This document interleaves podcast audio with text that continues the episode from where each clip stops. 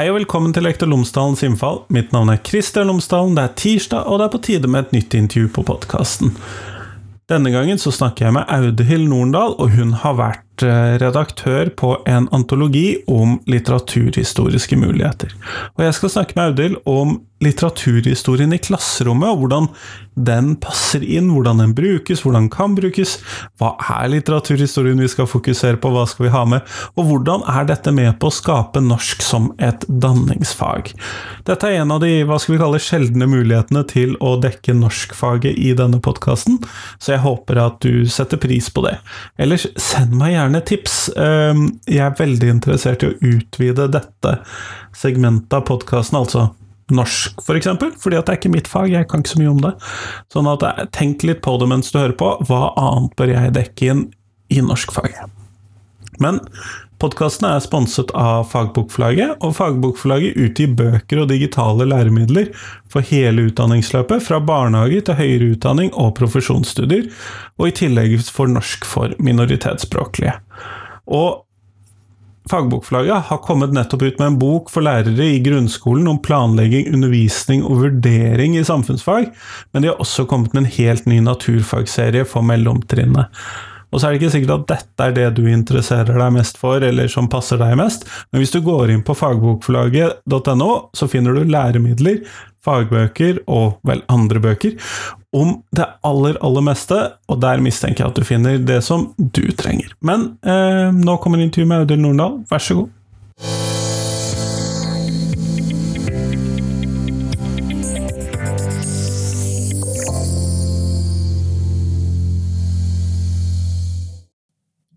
Audhild Norendal, tusen takk for at du har tatt deg tid til meg i dag. Takk for at jeg fikk lov til å komme. Før vi kommer sånn ordentlig i gang med podkastintervju, så hadde jeg håpet at du kunne fortelle lytterne mine tre ting om deg selv, sånn at de kan få bli litt bedre kjent med deg. Ja, eh, jeg vokste opp i eh, Skien, et par steinkast fra Ibsen Venstøp. Og nå bor jeg i hjembyen min sammen med mann og fire barn og en katt. Eh, jeg har jobba ti år i videregående skole, der jeg underviste i fagene norsk og historie og religion. Eh, og nå jobber jeg i, som norsklærer ved lærerutdanninga ved eh, Universitetet i Sørøst-Norge på campus Porsgrunn. Kjempeflott, tusen takk. Og du, jeg vil gjerne snakke med deg om eh, litteraturhistorien i klasserommet. Og det som da selvfølgelig, for meg som ikke er norsklærer eller noen gang kommer til å late som at jeg er det, så hvilken plass har litteraturhistorien i klasserommet? Ja, eh, litteraturhistorien som eh, fagdisiplin innenfor norskfaget den har jo lange tradisjoner, helt tilbake til 1880-tallet. Eh, og så har den jo hatt litt varierende plass da, opp gjennom skolehistorien, og læreplaner har jo lagt litt ulik vekt på den delen av faget. og med Kunnskapsløftet så blei det jo en ganske sånn stor diskusjon om litteraturhistoriens plass. Eh, for da eh, skjedde jo det at disse leselistene som en var vant til, med forfattere som elevene skulle eller burde lese, falt ut. Eh, og det var en mye mer åpen plan. Og det var mange norsklærere som var bekymra for den plassen litteraturhistorien skulle få videre. Så det har jo vært en diskusjon egentlig Eh, alle de årene med læreplanen Kunnskapsløftet, da. Eh, og som igjen eh, blussa opp med LK 20 og fagfornyelsen. Nettopp sånn at Dette er en del av en ganske større debatt. og jeg må innrømme, Det er to ting jeg vet om norskfaget og det som jeg fikk med meg når jeg selv var en del av det. Det var jo Man krangler om målform, og så krangler man om hvilke forfattere som skal være inkludert i disse forfatterlistene. Det er liksom det som sitter hos meg. Ja, um, og det er ikke feil, det. Det har vært to viktige diskusjonstemaer innenfor norskfaget.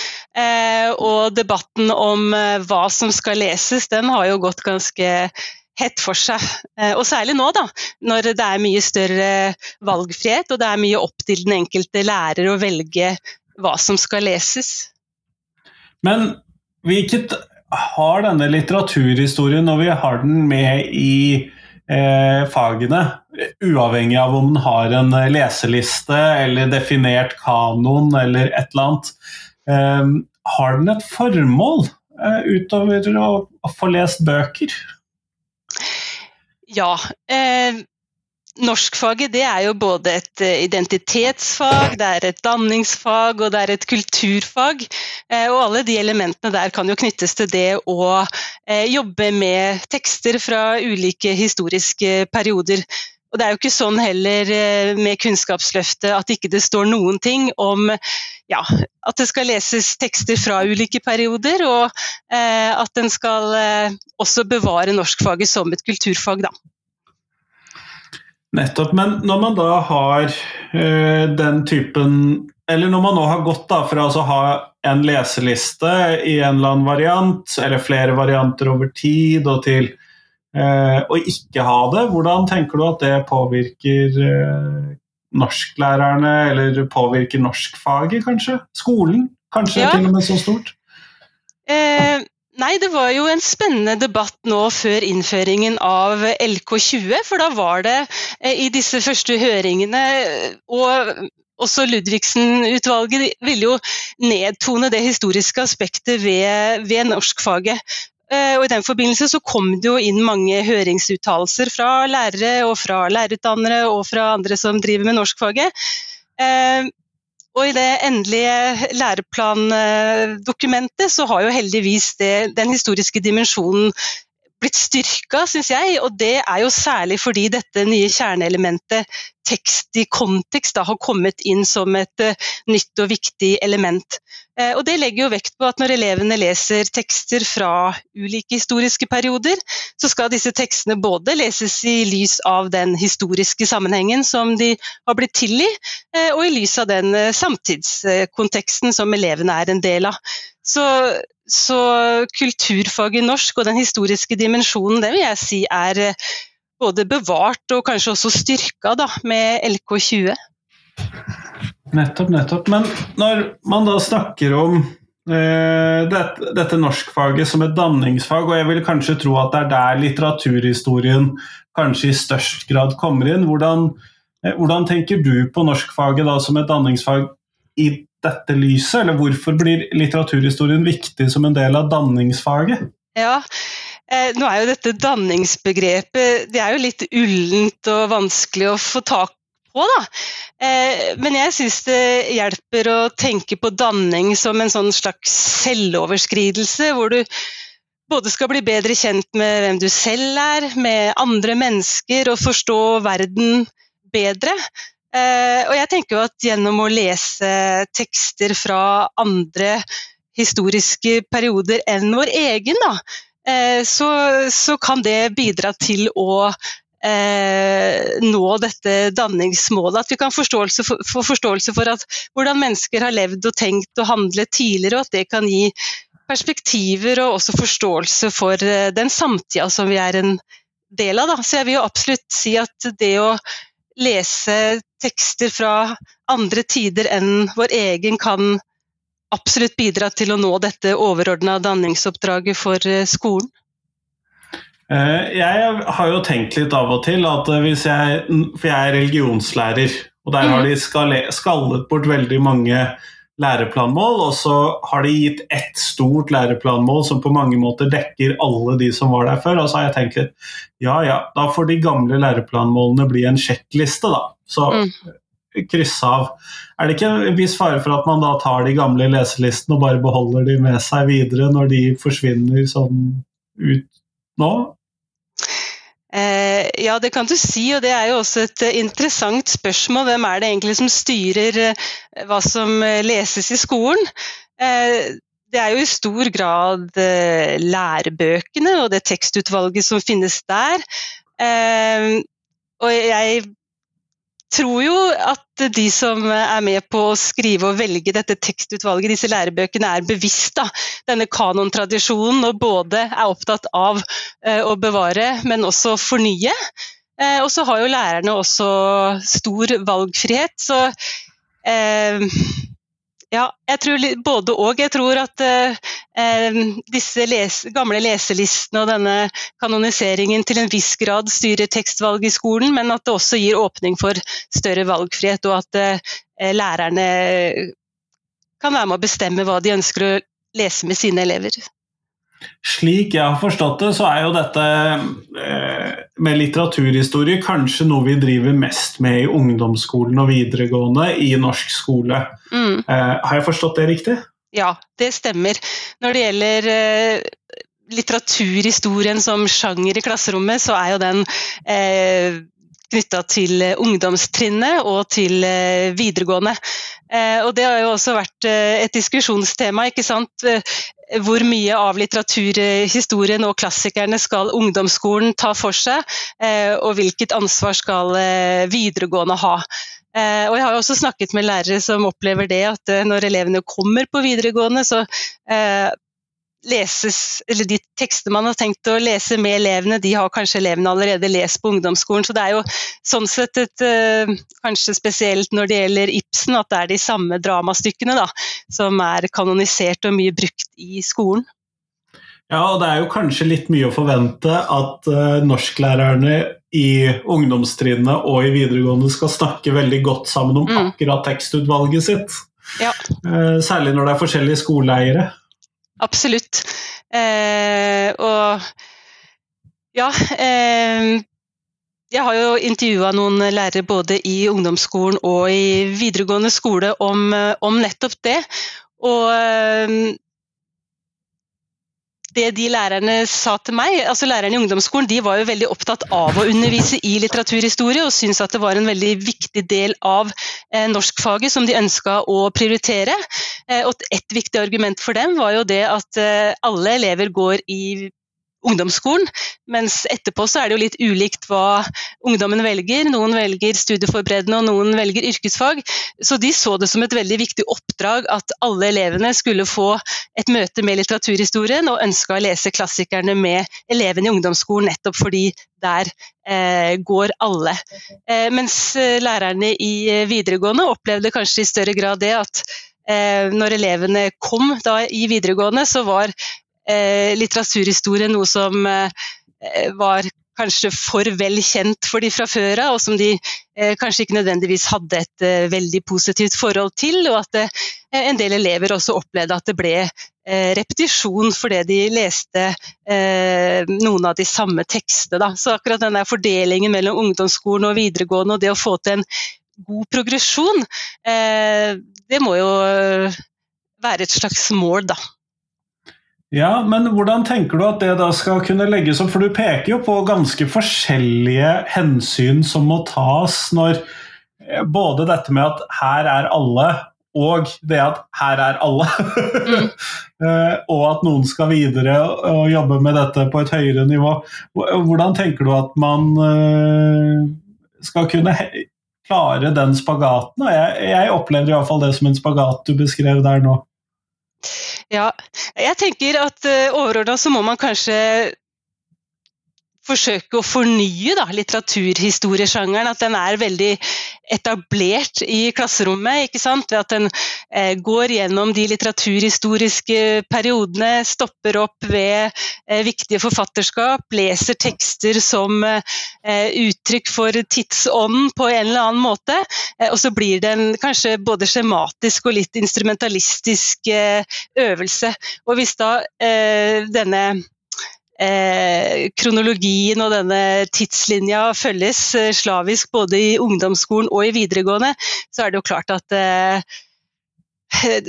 litteraturhistorien da kan oppleves litt støvbelagt, kanskje. Så kanskje en ikke skal være så redd for å bryte litt opp, og ikke nødvendigvis tenke kronologi, men tenke andre innfallsvinkler til tekstene da, enn nødvendigvis å sånn systematisk gå gjennom eh, litteraturhistorien og se på sjangertrekk, på periodetrekk osv. Eh, det kan jo kanskje bidra til at ikke eh, så mye oppleves som en repetisjon, og så eh, at man selvfølgelig også kan jo lese tekster på ulike måter. En kan jo lese de samme tekstene i ungdomsskolen og i videregående, og kanskje også med et ulikt perspektiv. Jeg tenker Det er mange måter å løse det dilemmaet på, sånn at ikke det oppleves som eh, for mye repetisjon da, for elevene. Ja, og der tror jeg nok du peker på noe veldig viktig. Samtidig så Jeg, jeg er jo også historielærer, som du også sa du var. og det mm Eh, jeg klarer jo ikke helt å slippe at det må jo være noen hva skal vi kalle det, koblinger opp til historie eller samfunnsfagene i skolen, selv om vi går 200 år tilbake i norsk litteraturhistorie. At det må være noe som vi kan knytte opp til i dag. Da. Hva tenker du om det? Ja, denne tidslinja er jo et uh, pedagogisk grep, og den har jo absolutt sine, sitt uh, formål. Og det, altså, det er jo en hjelp til å systematisere og få en uh, oversikt. Uh, samtidig så kan jo også noe mistes da, i tekstene, hvis en er for opptatt av uh, de mer sånn store, overordna historiske perspektivene, og at en kanskje da mister av syne kanskje det som er interessant, eller spesielt interessant ved den enkelte teksten, og at det er andre andre sider kanskje ved den historiske teksten som en kan eh, studere nærmere enn eh, akkurat mer sånne overordna eh, forestillinger. Jeg vet ikke, men jeg tenker at det er ulike måter å gjøre det på, da. Og at ut fra den tida vi lever i, så kan det være andre sider ved tekstene som kan være spennende å utforske. men hvordan tenker du, fordi at hvis jeg skal lese litt mellom linjene på det du sa i stad, så kunne det kanskje være hva skal vi kalle en smule irritasjon da, blant lærerne i videregående at alle disse fantastiske tekstene som de har lyst til å jobbe med, de er jo allerede tatt av disse ungdomsskolelærerne som gikk i forveien. Eh, og da Er jo spørsmålet, er det noen sånne særlige perspektiver som du tenker er viktig at eh, lærerne i videregående tenker på eller tar med seg eller vurderer inn i undervisningen sin, eh, sett fra din synsvinkel? da? Ja, Nei, Det virka kanskje litt for eh, karikert det jeg sa. Det gjaldt spesielt eh, noen enkelttekster, og særlig når det gjelder Ibsens skuespill. Utover det så opplevde kanskje ikke lærerne i videregående dette som et sånt veldig stort problem. Men det som var en sånn tydelig skille da, mellom lærerne i ungdomsskolen og videregående, var jo at lærerne i ungdomsskolen de, de, var opptatt av å lese tekstene i lys av den historiske konteksten, og hadde en tydelig målsetting om at elevene de, gjennom å lese disse historiske tekstene skulle lære mer om hvordan mennesker har levd og tenkt før. Eh, så de hadde jo veldig tydelig dette eh, denne historiske dimensjonen og denne historiske kontekstualiseringen som, eh, som en viktig målsetting med sin undervisning. Eh, mens lærerne i videregående de, de var veldig opptatt av at eh, tekstene skulle oppleves aktuelle for elevene, og, og, valgte tekstene bevisst ut fra tanke om hvordan disse tekstene kunne oppleves aktuelle for eh, elevene i dag.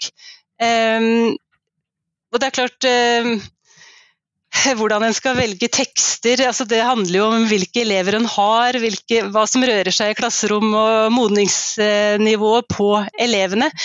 Eh, men og at dette, både det å bevare, eller lese teksten i lys av den historiske konteksten og i lys av en samtidskontekst må, eh, bør være viktig da, når en jobber med, med disse tekstene. Men eh, ja, jeg vet ikke om jeg, jeg svarte på det. Jo, jeg tror jeg forsto hva du mente. og det, det, er jo viktige aspekter å ha med. og så forstår jeg jo at eh, med tanke på Ibsens i hvert fall sånn tradisjonelle plassering i norsk skole, mm. at det fort blir der det krasjer litt. For ellers er det jo en ganske rik historie å skulle hente mm. fra. Og så har, Det har jo kommet et nytt element inn i eh, kompetansemålene for eh, ungdomsskolen.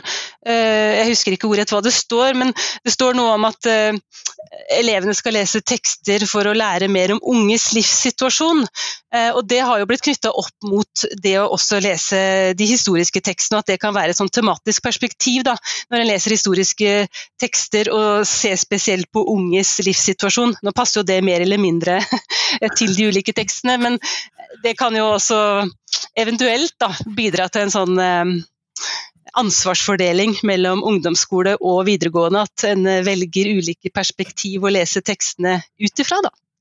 Nettopp, nettopp. Og det er jo eh, jeg tenker jo at det er noe av det som kan være med på å gjøre en del av de tekstene, eventuelt gjøre noen andre tekster fra samme tid, mer relevante for elevene. fordi at jeg mistenker at det er noen klassikere som aldri helt satt seg hos elevene, men satt mm. veldig godt hos lærerne.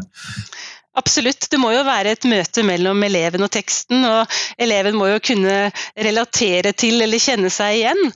Det er, eh, det er ikke nødvendigvis at en ungdomsskoleelev eh, kan kjenne seg igjen i eh, alle disse historiske tekstene og relatere til eget liv. Det, det er ikke å forvente.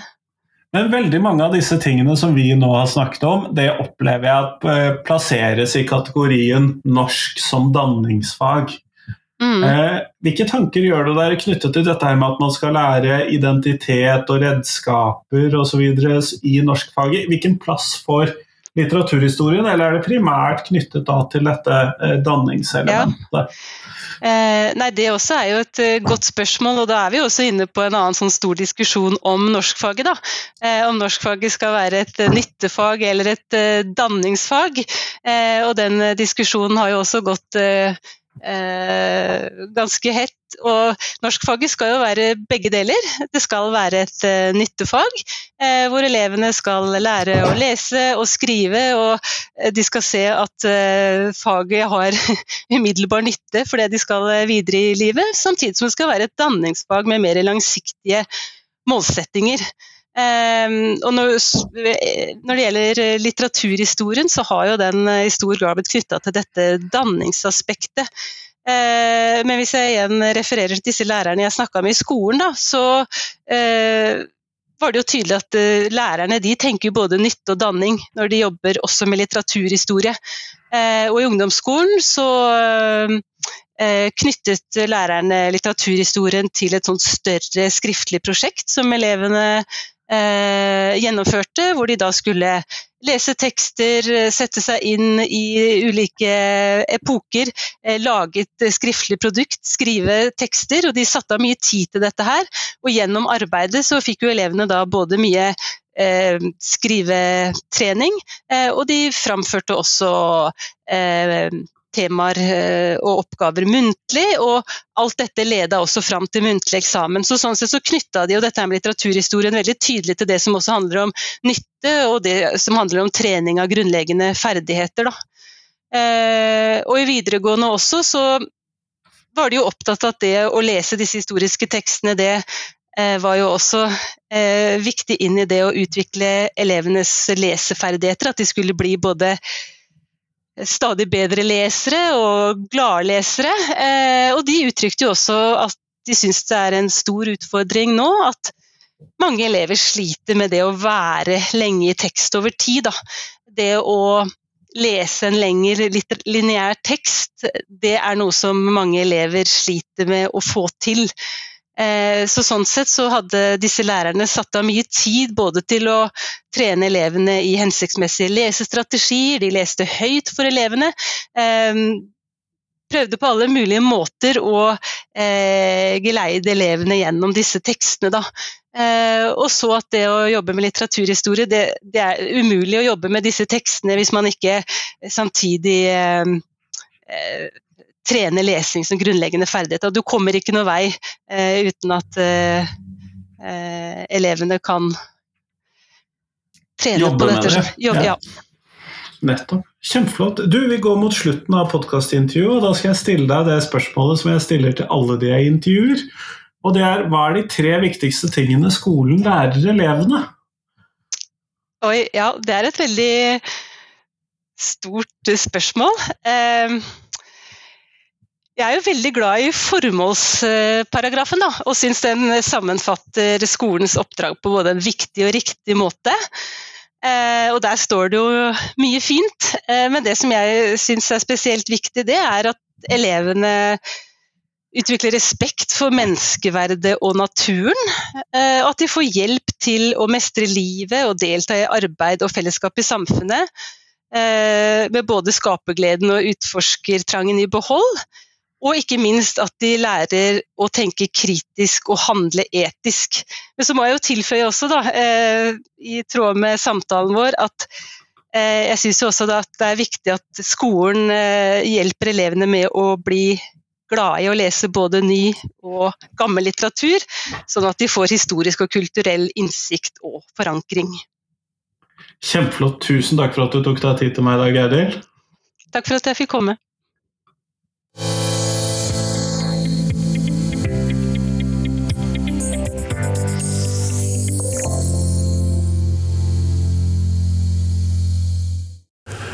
Tusen takk til Audhild, og tusen takk til deg som hørte på. Som jeg sa før episoden startet, og det er litt uvanlig at jeg sa på det tidspunktet, så ønsker jeg gjerne å få tips av deg til hva podkasten kan trekke inn fra f.eks. norskfaget, eller norskfaglig relevante temaer.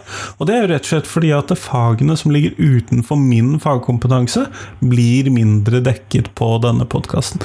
Og det handler jo om hvor tilgjengelig det stoffet er for min del så tror jeg det at det er mye spennende og interessant, og viktig, ikke minst, som nettopp skjer i fag som norsk, eh, engelsk, spansk osv., som skjer knyttet opp til eh, realfagene, som jeg ikke egentlig har peiling på. Så ser vi det, at det er primært sett samfunnsfaglige fag, eh, kulturfag som religion osv., og, så og ren sånn pedagogikk emner som dominerer podkasten. Og jeg håper selvfølgelig at eh, i podkastens historie så skal jeg dekke norsk skole på en bred måte, og da trenger jeg dine tips til hvordan det kan gjøres. Så jeg håper at du kan sende meg noen tips. Men del gjerne podkasten min også med noen som du tror vil sette pris på den, for det setter i hvert fall jeg pris på. Del en episode, del et tema, del en spilleliste fra Soundcloud eller et eller annet, så blir jeg utrolig glad for det. Det er det som blir bringer podkasten videre i lyttertall, og det er en stor inspirasjon for meg når jeg lager denne podkasten. Men nå får du ha en fin uke videre. Hei, hei!